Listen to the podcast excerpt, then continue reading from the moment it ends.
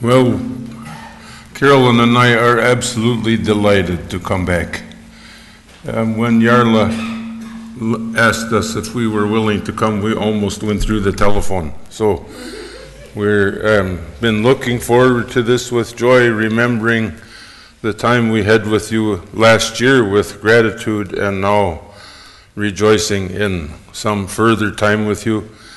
Um, you have a wonderful spirit. Christ has been at work amongst you, and we join you in your confession and in your witness.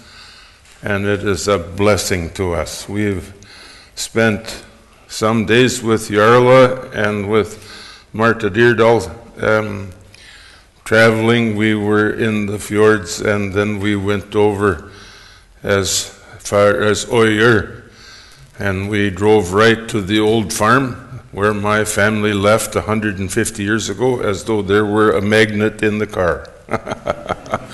it was wonderful. There's nothing left. An old cottage that's falling apart, but it was the land of my forefathers, and I rejoiced. It was great. So I'm very thankful for this, and now We've had a wonderful conference with the pastors, and so that's been a matter of great thanks too. Now, tonight, we're going to start out by talking about two very important words that we as Lutherans use. We're going to talk about confession, first of all. And once we've talked about confession, we're going to have even more fun talking about confessing. Because confession is a noun. It's a word that will sit still and you can look at it and you can play with it and you can take it apart. But confessing is a verb, it's an action. It's something that happens to you. You get a confession wrung out of you. Hmm? So that you're brought to the point where, for all the joy set before you, you can't help but confess. And this is when things start to become a lot of fun. So, we'll start out um, by looking at some of the original confessions of the church. We can find a number of passages in Scripture where the earliest Christians are confessing. They're naming Christ's name and they're describing the relationship in which Christ Jesus stands with the Father and the Spirit. And once we've looked at some of these earlier confessions, we'll watch them starting to move into a creed that you know, the Apostles' Creed, and a couple that you perhaps don't aren't as familiar with the Nicene and Athanasian, and then we'll look at what happened to the Lutherans. But all the way along, we're going to try to move quickly so that we can get to confessing, and then we'll rely on the Apostle Paul in Romans 10 to help us to go into this joy together and have some fun. So, first of all, some biblical confessions. Early on, the Christians, the first Christians, were moved to confess. A couple of things brought this about. One was not a thing, but Christ Jesus, crucified and risen from the dead. And so as they gathered in the upper room for fear. You remember this? They weren't exactly worth a lot after Christ was crucified. They went and hid. He was going to send them to all the nations of the world and had to go looking for them in the upper room. And when he got there, the door was closed, and they thought sure he would never be able to get in. Huh? But he fooled them. He went right through the wall. And when he came through the wall, he breathed on them and what? Bestowed his Holy Spirit so that this ragtag bunch of tired and fearful disciples had no alternative but to go out and confess, which is exactly what they did. Huh?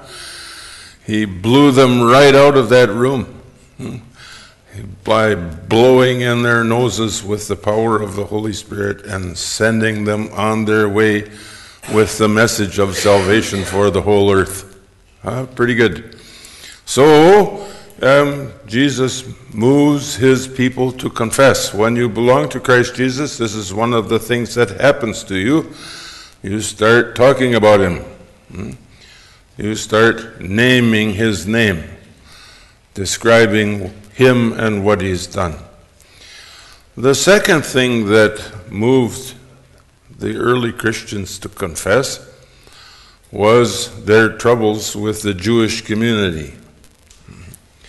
Right about 60, the year 60, there was a big transition for the Christians. Before this, they had been considered a, one among many, among the Jews. They were Jewish Christians, they had no separate identity. But about the year 60, the Jews got sick and tired of entertaining these feisty people, huh? And they started introducing things into the worship service, putting Christ Jesus and Christians under a curse. That's not a welcome. Hmm? That was not a friendly experience. And so they were forced out of the Jewish community. And when they were forced out of the Jewish community, they began to define themselves. And they did so, you can guess, by confessing, by naming Christ's name and naming his relationship to the Father and to them, to the Holy Spirit. And so they began to tell the story. And so we've got Peter up in Antioch bringing leading the mission to the Gentiles. And we've got Paul hyperactive and hard to get along with and a nuisance, but one of the best preachers in the history of the church, running all the way across to Spain, getting into trouble all the way along, to be sure, and finally being crucified with Peter upside down in Rome. But they went and they confessed. And their confessing is the beginning of the church. This is the story of the church, of a people in confession who are confessing. So we can see the see some early creeds already in the New Testament. I'll take you through a couple of them quickly. First of all, we'll look at Romans 1. Last year we didn't do much work in the Bible, and this year I'm not going to make that mistake again, huh? We were always in the Bible, but we weren't always in the book. We could say that much, huh? So now we'll take a look at Romans 1, uh, beginning with the, verse, the first verse. Paul, a servant of Jesus Christ, called to be apostle, an apostle, set apart for the gospel of God, which he promised beforehand through his prophets in the Holy Scripture, the gospel concerning his son. Who was he? Who was he? he? Well, he was descended from David according to the flesh. But what? He was declared to be the Son of God with power according to the Spirit of holiness by resurrection from the dead. David had many sons.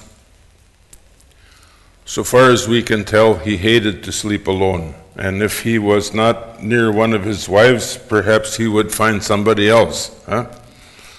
Like Uriah's wife, right? He was, he had many children. So Jesus is a descendant of David. But hmm, there's something even more important. God raised him from the dead. You don't usually go to the cemetery thinking about how the person in the back is going to get home. When you go to the cemetery with the hearse, somebody gets left behind in a grave. And you don't make plans for a new suit of clothes or a place for them to sleep that night. They've pretty well assured of a place to sleep for a long time, according to the usual rules. But the third day, Sunday morning, after the crucifixion, Jesus was called forth from the grave. This is power. All the rest of us will at some time be carried. And the tombstones in the US of the Norwegian Americans, there are two words, født and død. Huh? Two dates, born and died, right? That's all of our lives are enclosed in these parentheses. Born hmm, 1914, born 1918, born 1945, and then behind another date. Død. Died. Hmm? Hmm?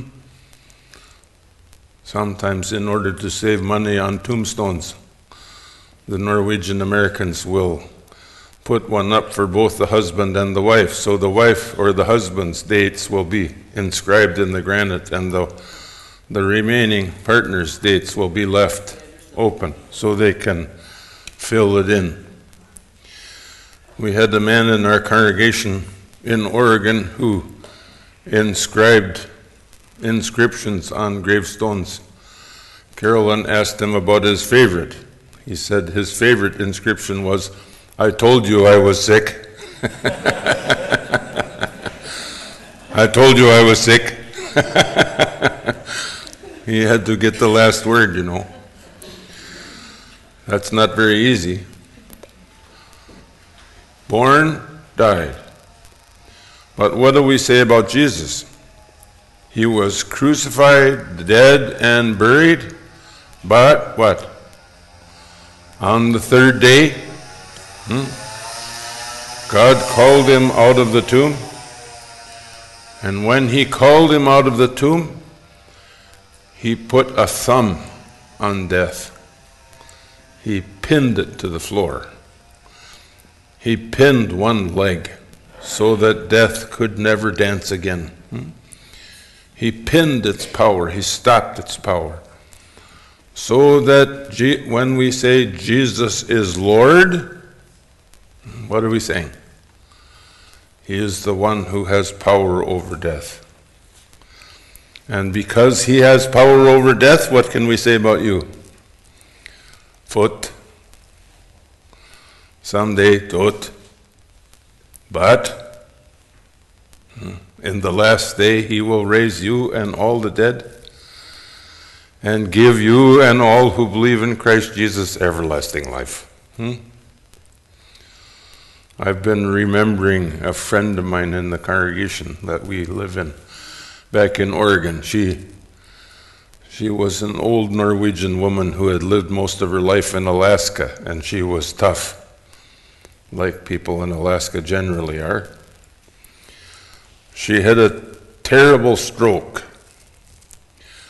the pastor was gone, and so they called me, and I went running over to the hospital, and there she was. You know how a stroke looks, you know what happens. And I came running into the hospital. She was a wonderful friend, and I took hold of her and I held her in my arms, and I looked her right in the eye, and I said, Christ Jesus has prepared a place for, for you, and it's ready now. He's coming after you. She struggled with all her might and she said, Good. For a Norwegian American, that's articulate. Hmm? That's being too many words. Good. it was great. Her family was there and they, you could hear them at the funeral every, every once in a while. One of them would say, Good. Well, that's Christ's power over death. You see, He's your Lord, and He can say to death, back off. Or He can say to death, let go. Or He can say to death, stop it. Or He can say to death, you've had your turn, it's my turn now. And when He says that, what? Well, you'll be raised. Huh? You'll scratch your eyes, rub your eyes, and say, Was I sleeping? What's going on here? say, You look pretty good. I mean, that's what we look for. He is our Lord. And so that's the first thing we say about Christ Jesus. That's the first Christian creed. He was designated Son of God by the Spirit of holiness that raised him from the dead. So he is what? Lord.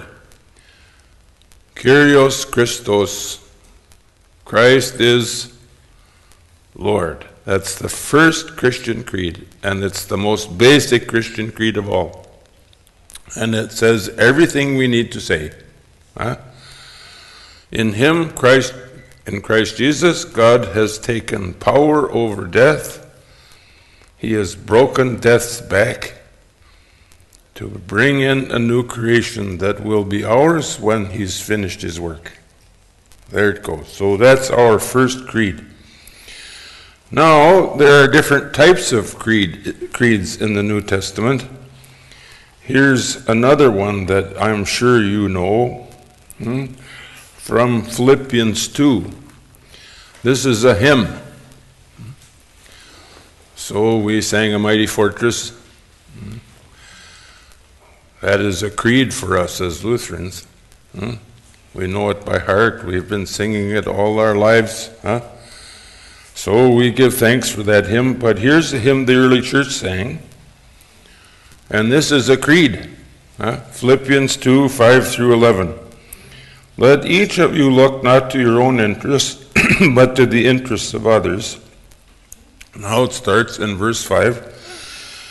Let the same mind be in you that was in Christ Jesus, who, though he was in the form of God, did not count equality with God a thing to be grasped, but emptied himself, being born, taking the form of a slave being born in human likeness, and being found in human form, he humbled himself and became obedient to the point of death, even death on a cross. Therefore, huh? this is a wonderful word.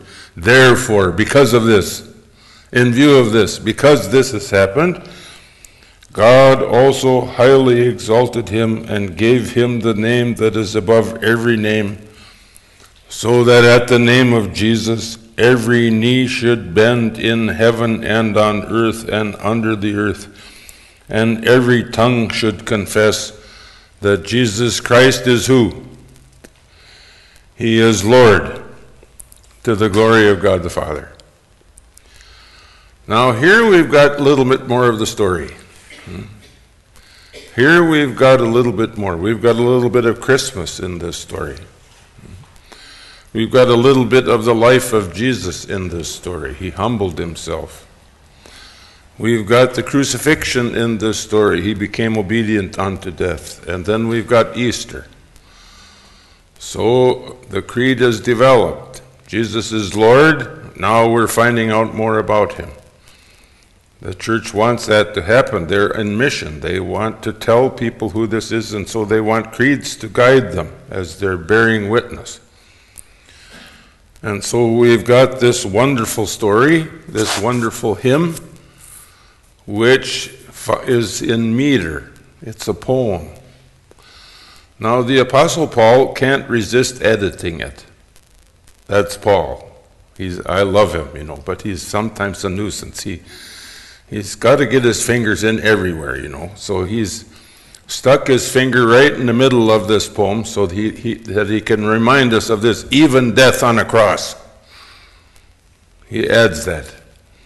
But if you leave that out, the meter follows, and you can sing this, you can memorize it, it goes like this. I mean, most all of us, I think, know it by heart just from reading it over and over again. I mean, this is, it's wonderful. It's a creed that's shaped for the telling, right? For confessing. Now, here's another one that's a little bit longer, but you'll remember this one too. This is from the book of Acts. Um, we pay particular attention to Peter's preaching. You remember Peter before the resurrection. Um, he would have had trouble holding a job as a pastor before the resurrection. His name was Rock, but he was more shale than rock. I'll have to say that much.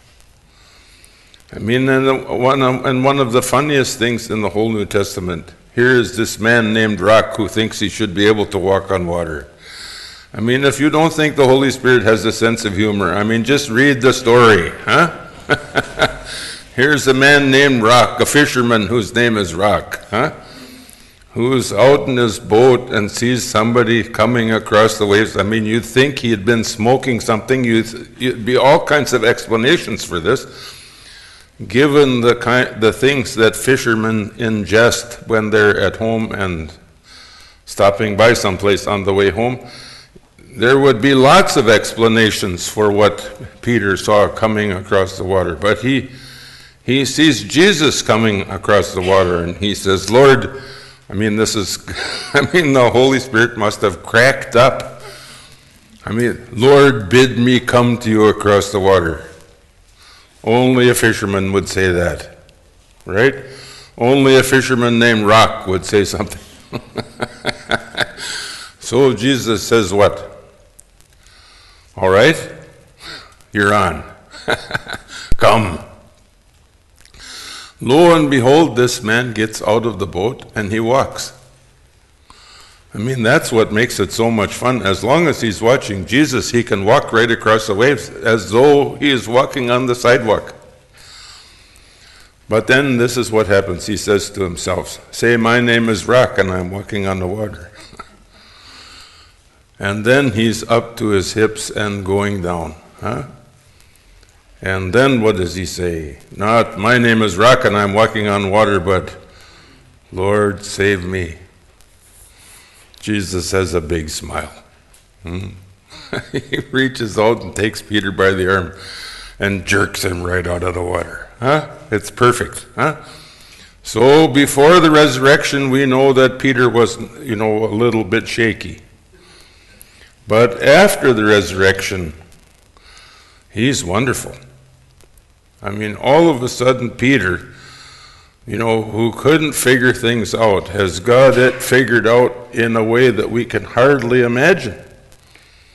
And so he becomes a great preacher. And these sermons in Acts, they're just full of the good word. You can never give thanks enough, you know, for his preaching. He's telling us now, he's confessing. So listen to this. Um, uh, fellow Israelites, this is from Acts 2, beginning with the 29th verse. He's preaching now in Jerusalem uh, after the Holy Spirit has come down.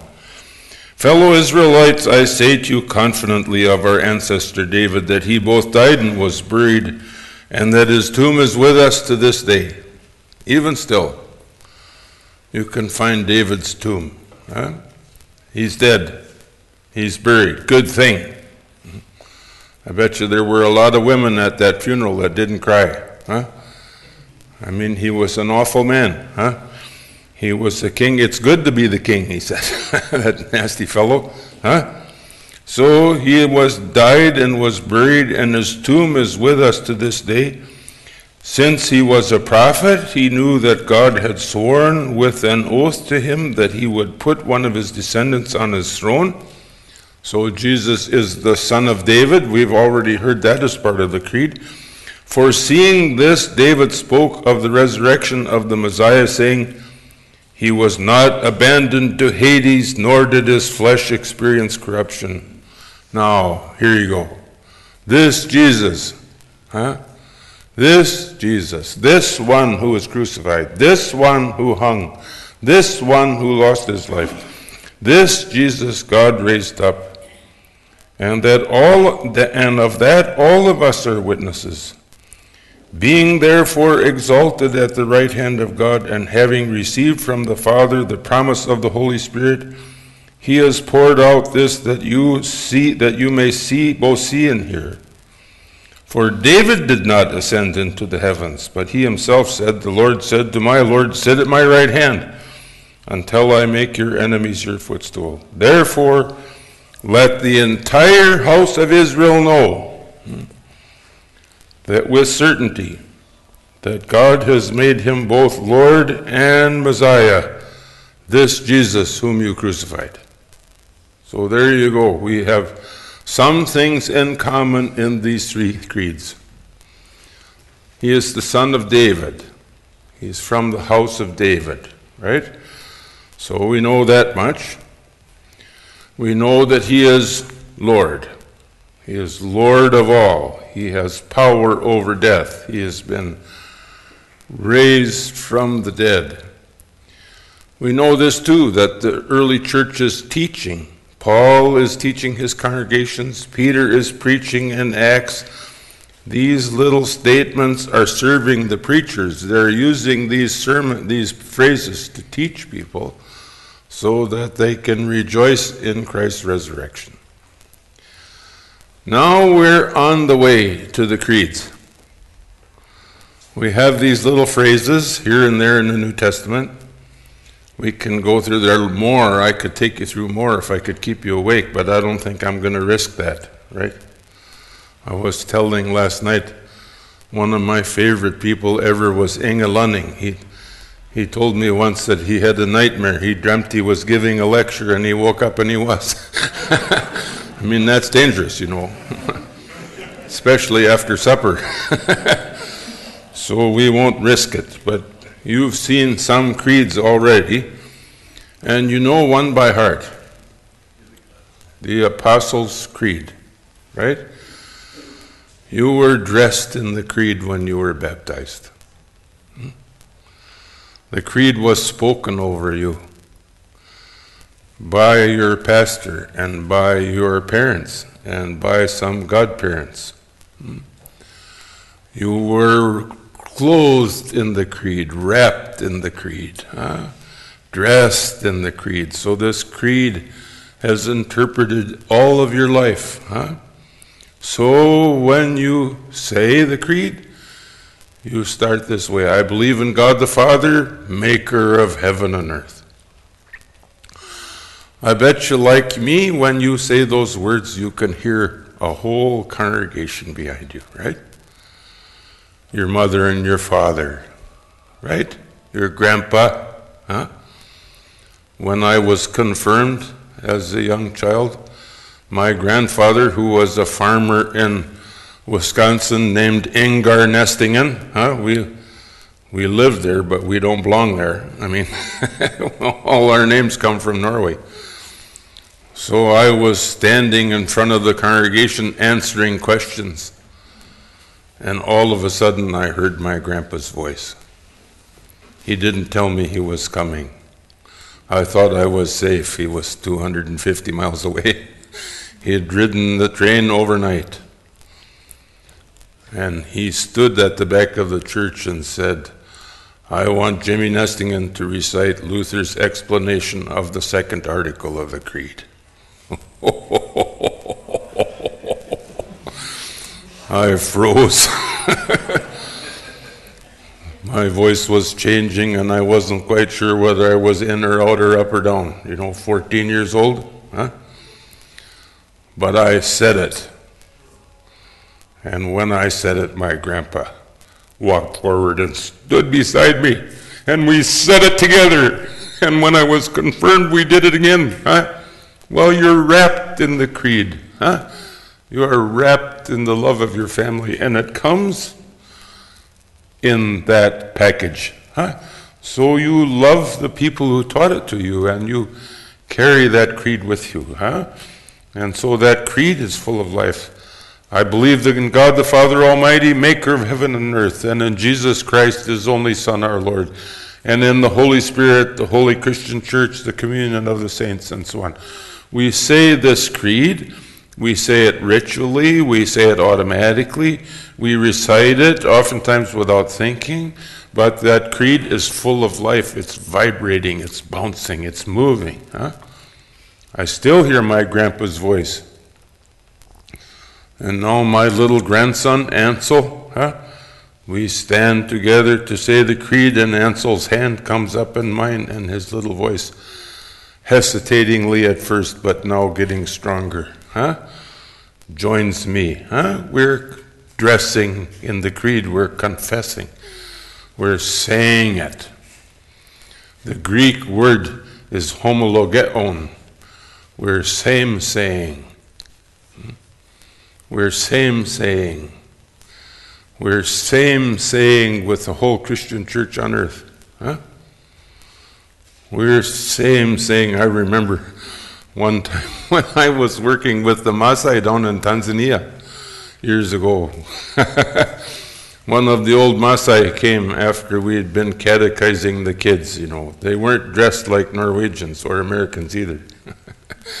the girls had big earrings and shaved heads, and the boys were wearing red shukas that hang below the waist. Hmm.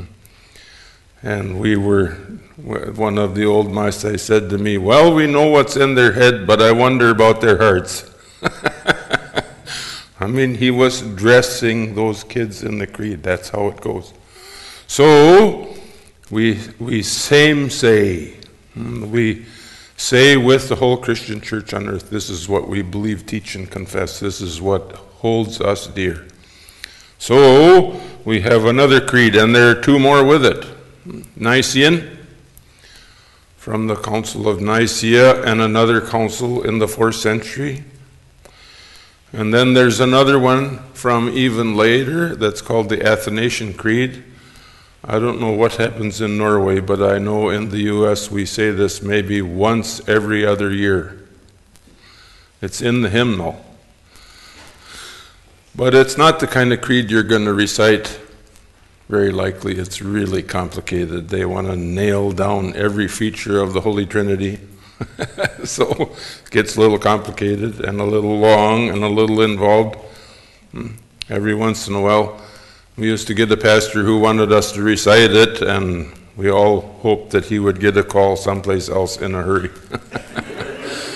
because it this is this is not your dream of a creed. Uh, it's, it's good, it's helpful, but it's, you know, it's not the best. It doesn't work real well saying it every Sunday. So we say the Apostles' Creed. Some of you say the Nicene Creed. We say the Nicene Creed often on community communion Sundays.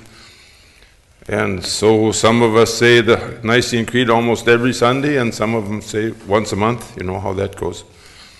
But that's how we use them. So we have a set of creeds, three of them, and then we Lutherans have something else. We have confessions. All of them can go back to the confessions I showed you in Scripture. But at the time of the Reformation, things got a little complicated, and so they had to define matters again quite closely. And the Lutherans did this by confessing. That's a lot of fun. They, they wanted to confess, they wanted to same say, they wanted to stand up in public and say, This is what we believe, teach, and confess. And they did that. You know some of these confessions. You know, for instance, the small catechism.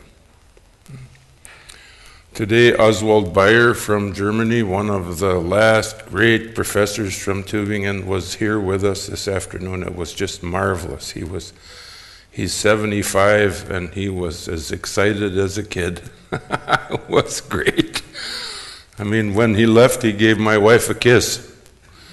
I mean, that's something for a German professor. I mean, he probably he's he's probably he's probably wondering what she did to him and how he overcame his resistance to that. it was just great. I mean, I didn't even mind. I don't let everybody kiss her, but 75 German, 75 year old German professors aren't exactly dangerous. I mean, you can, I, I think I can handle the competition, I hope. right? So, um, Dr. Bayer was saying that the creed, or that the apostles, the Luther's small catechism is perfect. Huh? It's perfect. Everything is there. You can't do better than the catechism. I mean, when you get a German professor, 75 years, old, 75 years old, standing saying that to you, you know that the Holy Spirit is working. Huh? Right? I mean, German professors don't learn easily from others. I mean, they're, they don't excel at recess. but Dr. Bayer, he's terrific, and he he just said it. I can't find a better statement than this, he said. My whole faith is in the small catechism. Well, there's a confession, right? We'll talk about it one tomorrow night, I think it is. Then um, we have the Augsburg Confession, right? You remember that. The Augsburg Confession is one of the important statements. And then there are five others that you may have heard of at some time, but I'm not going to challenge you with it tonight. Huh? You have to rest, after all. I don't want you getting so excited about the formula of Concord that you can't go to sleep. right? You'll blame me for. right? We'll talk about that a little bit later, too. Anyway, um, we have creeds and we have confessions, and all of them have the same purpose.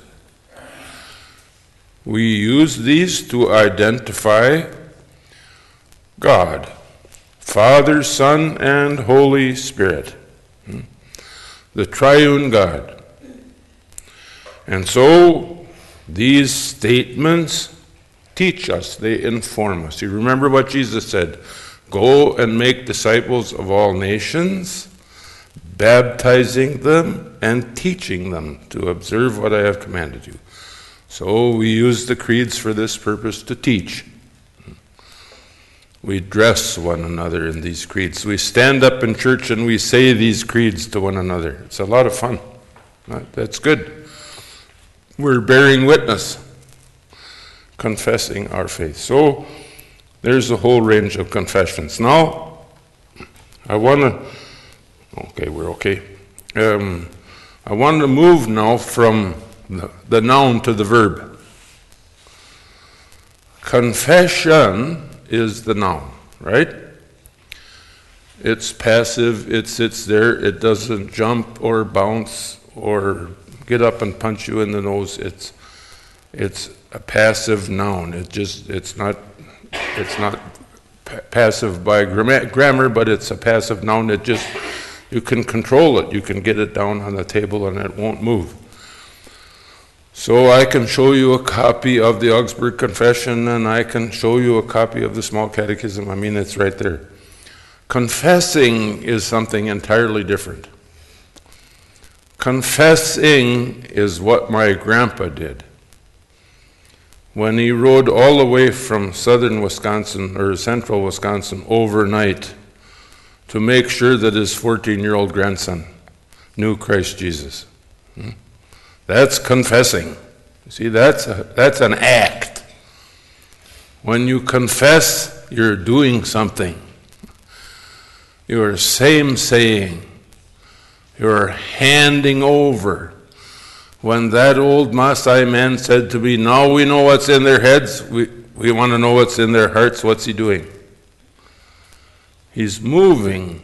He's moving with the confession He's moving with it because he wants the confession to light up that child so that that child will know Christ Jesus and delight in him.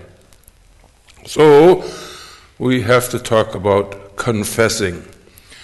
Now, here's one of the big differences between us as Lutherans and other churches. If you ask a Roman Catholic what makes a Roman Catholic a Roman Catholic, a Roman Catholic will say, the Pope, and the succession of bishops extending to the priest. The, what makes the Roman Catholic uh, Church authentic, according to Catholicism, is the hierarchy of offices from extending from the papacy to the priest, so that the, pre, the pope approves the bishop and the bishop approves the priest, and then the priest is in a position to approve you, and everything is in a circuit. That's one way. Another way, I mean, you, in America, we have all these evangelicals, you know. Sometimes they're friendly, sometimes they're hostile, sometimes they're a real nuisance. But if you ask an evangelical what makes an evangelical an evangelical, if you ask them what makes the church, an evangelical will tell you the people. What they'll tell you is that they have all been what? You know this from the Bedehus. They've been converted. And because they've been converted, they have been able to convert others, and now they are all truly converted. Watch it, watch it, watch it. You're on dangerous ground now, right? You know what happens next. They are truly converted, and you are not. Right? Right? They, they are converted to such an extent that they can judge your lack of conversion. When I first became a professor, I was working in a little congregation in western Minnesota. And a man came to me and he said, Tell me what kind of experience you have to be to have to be an authentic Christian. I said, Where does it say that in Scripture? That you have to have an experience. He said, Must be there someplace. We talk about it all the time. Well, I said, Give me chapter and verse. He said, I don't know where it says that. I said, I'll tell you what. If Jesus wants you to have an experience, He'll give you one. You don't have to go looking for it. He looked at me and he started to shake. And then he started to cry. He said, I, I think I'm having one.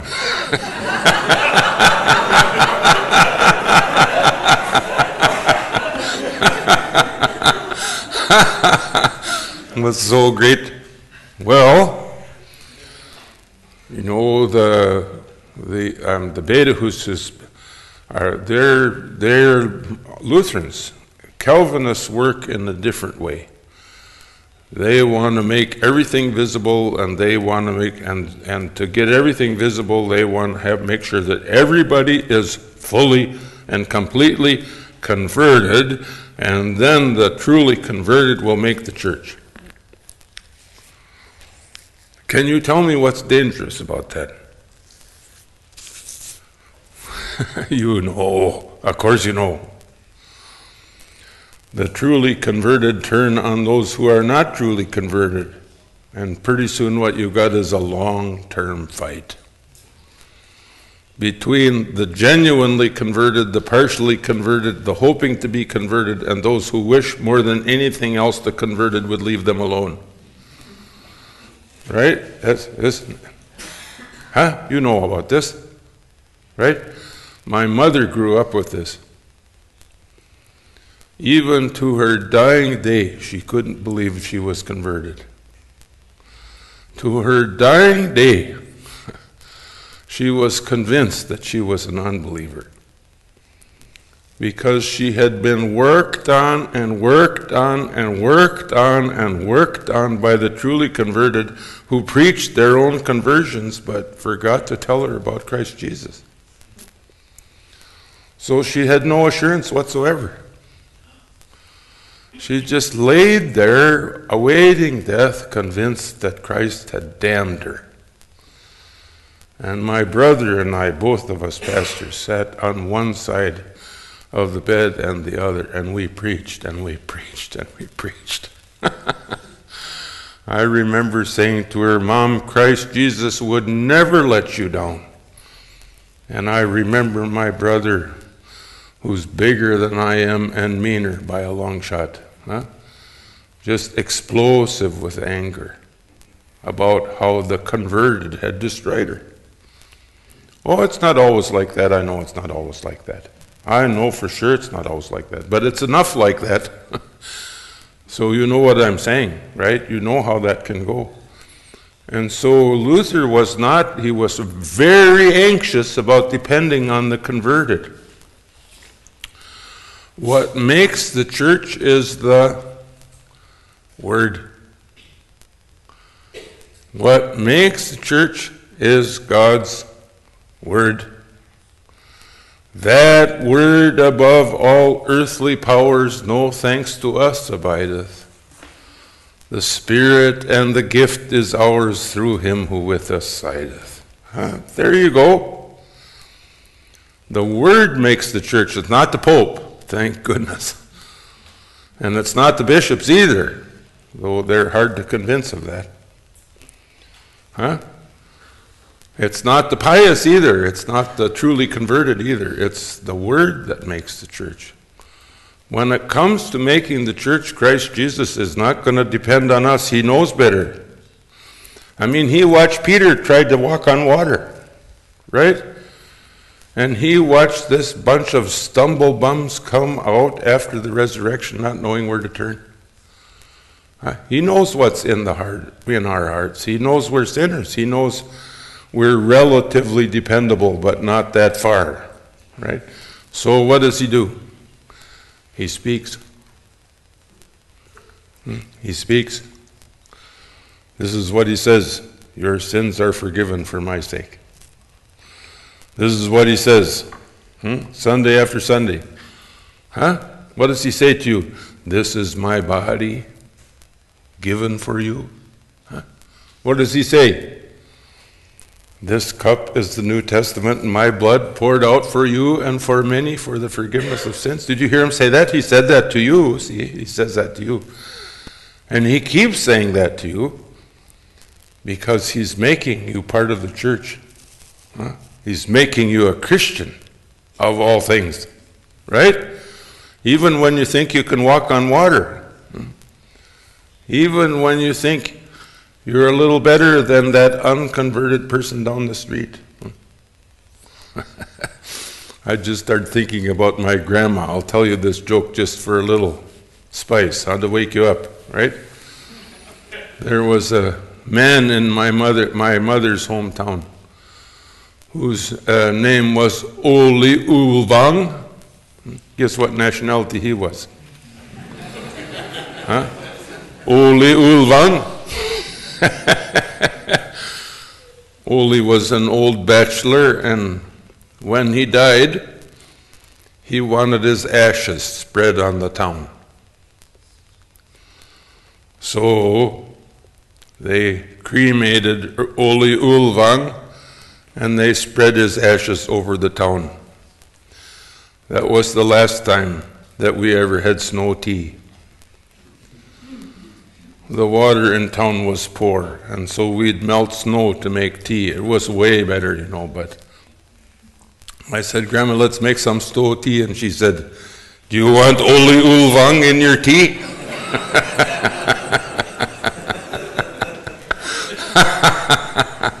no, I said, I think I will leave Ole on the ground. oh, that's, well, I mean, Christ Jesus knows that we're, we're fairly good at something, you know. We know better than to eat cremains, right? We, we won't take a chance on that, but, but we're sinners. That's the truth. And because we're sinners, guess what? When we start applying to build a church, he says, I think I can handle this myself. I'll send the Holy Spirit, he'll do that. Right? That's, of course, that's right. So he doesn't depend on us, and he doesn't depend on the bishops, and he doesn't depend on the pastors, and he doesn't depend on the devout, and he doesn't depend on the sinners. He flexes his arms and he sends his spirit, and the spirit makes the church. Even with crazy old Norwegians stuck on the Saskatchewan prairies, not knowing enough to be buried.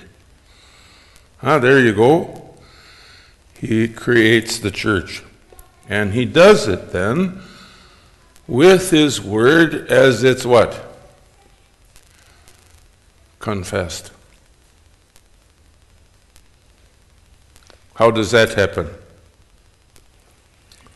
Well, you can, I can tell you how it happens. I know what happens at your house. Right? You speak the word to those you love, right? Mommy and I sit and have devotions in the morning and we pray for our children and we worry about our grandchildren and we we say when is our son ever going to show signs of genuine faith and we we we are concerned about how our young we have a beautiful little granddaughter named Harriet who's 15 months and not walking yet and we're wondering what's going on with her, and so we're praying for her toes. Huh? She's got foot supports now to make her toes stronger, so we pray for her toes. That's fun, huh? To pray for a little girl's toes. Huh? And we have a 35, 35 year old son down in Frankfurt we always hoped one of our kids would go back to Norway. Well, he went down there and met a German girl, and she captured his heart, and we can't get her out of there, get either one of them out of there. And now, thank goodness, she's pregnant. Ah, they were married five years ago, and we have prayed some X rated prayers for the two of them. Huh? I mean, we have prayed that she would chase him around the house and catch him. Huh? Of course, and now it's happened and she's pregnant. And so here they're sending us pictures from the womb, three and a centimeters long, and we're praying for that little baby. of course. We're same saying. We're confessing. We're confessing. We have some friends who are sick, and we're saying the word to them. We're going to the bed and we're speaking words of encouragement and we're saying, you know, Christ Jesus has carried you this far. I think he's good for the rest of the time, right? You can count on him, right? Of course. I mean, you keep in, we keep encouraging one another with the word we're same saying, we're confessing. That's what makes the church. Hmm? That's what makes the church. Speaking the word speaking the word to one another. A famous Indian theologian in, uh, once said, It's one beggar telling another one where to find bread. Hmm? Perfect. One beggar telling another one where to find bread. That's confessing. And so the church becomes the church. The church is authentically the church where we confess, where Christ Jesus moves our hearts and moves us to say to one another, Christ is for you. So we go, huh? To our children, to our friends, to our neighbors, to those we love, to those that we like, maybe, but not quite that much, and to those who we really don't like, but to whom we know we should say the word. We say the word, we keep saying the word. Because what? Christ has promised to make faith through the word that we speak. He's making believers. Huh? He's making believers. I bet you, I told you a story last year about when I was down for the baptism of 350 Maasai people. Uh, did I tell you that story? I bet you I should have told you that story. Oh man, I was a couple of us crazy Norwegian Americans. We were sent down there.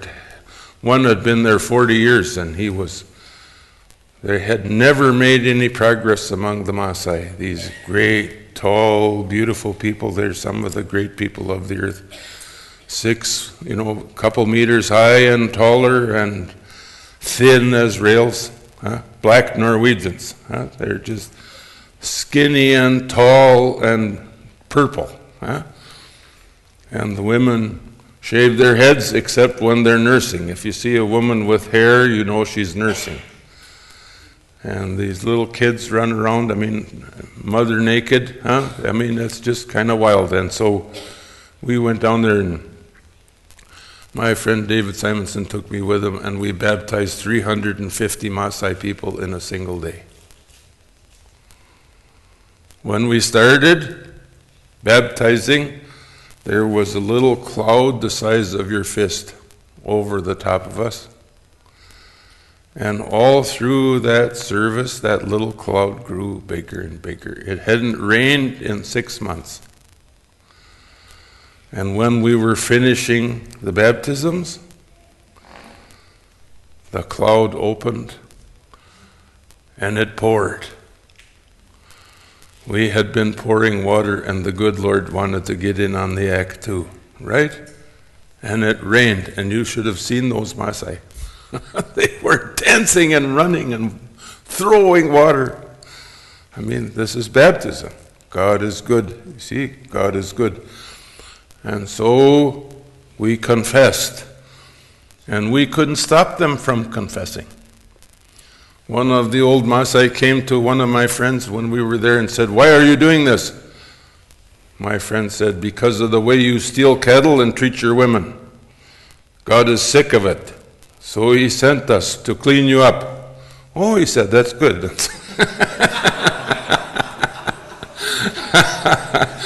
We're confessing. It's just crazy, right? So here we go. There are confessions that are particularly important to us. The Apostles' Creed, first and foremost, of course. The Small Catechism, the Augsburg Confession. But what's most important to us is confessing. That's when things really get good. Hmm? When you confess, you start talking about Jesus and what he does and what he's good at a confession that starts like this You know, I was such a bad person, but you should see me now. That's not a particularly good confession, right? You can, if you need that kind of confession, you should go and talk to a policeman, maybe. Uh, but in the church, we like to hear about Jesus. So a good confession goes like this He raises the dead, He forgives sins, He heals the sick, he creates a future. He blesses and blesses and never quits. Huh? I was joking with the pastors this afternoon. What kind of Lord is it that comes to a party that's been going for 10 days and makes 180 gallons of wine?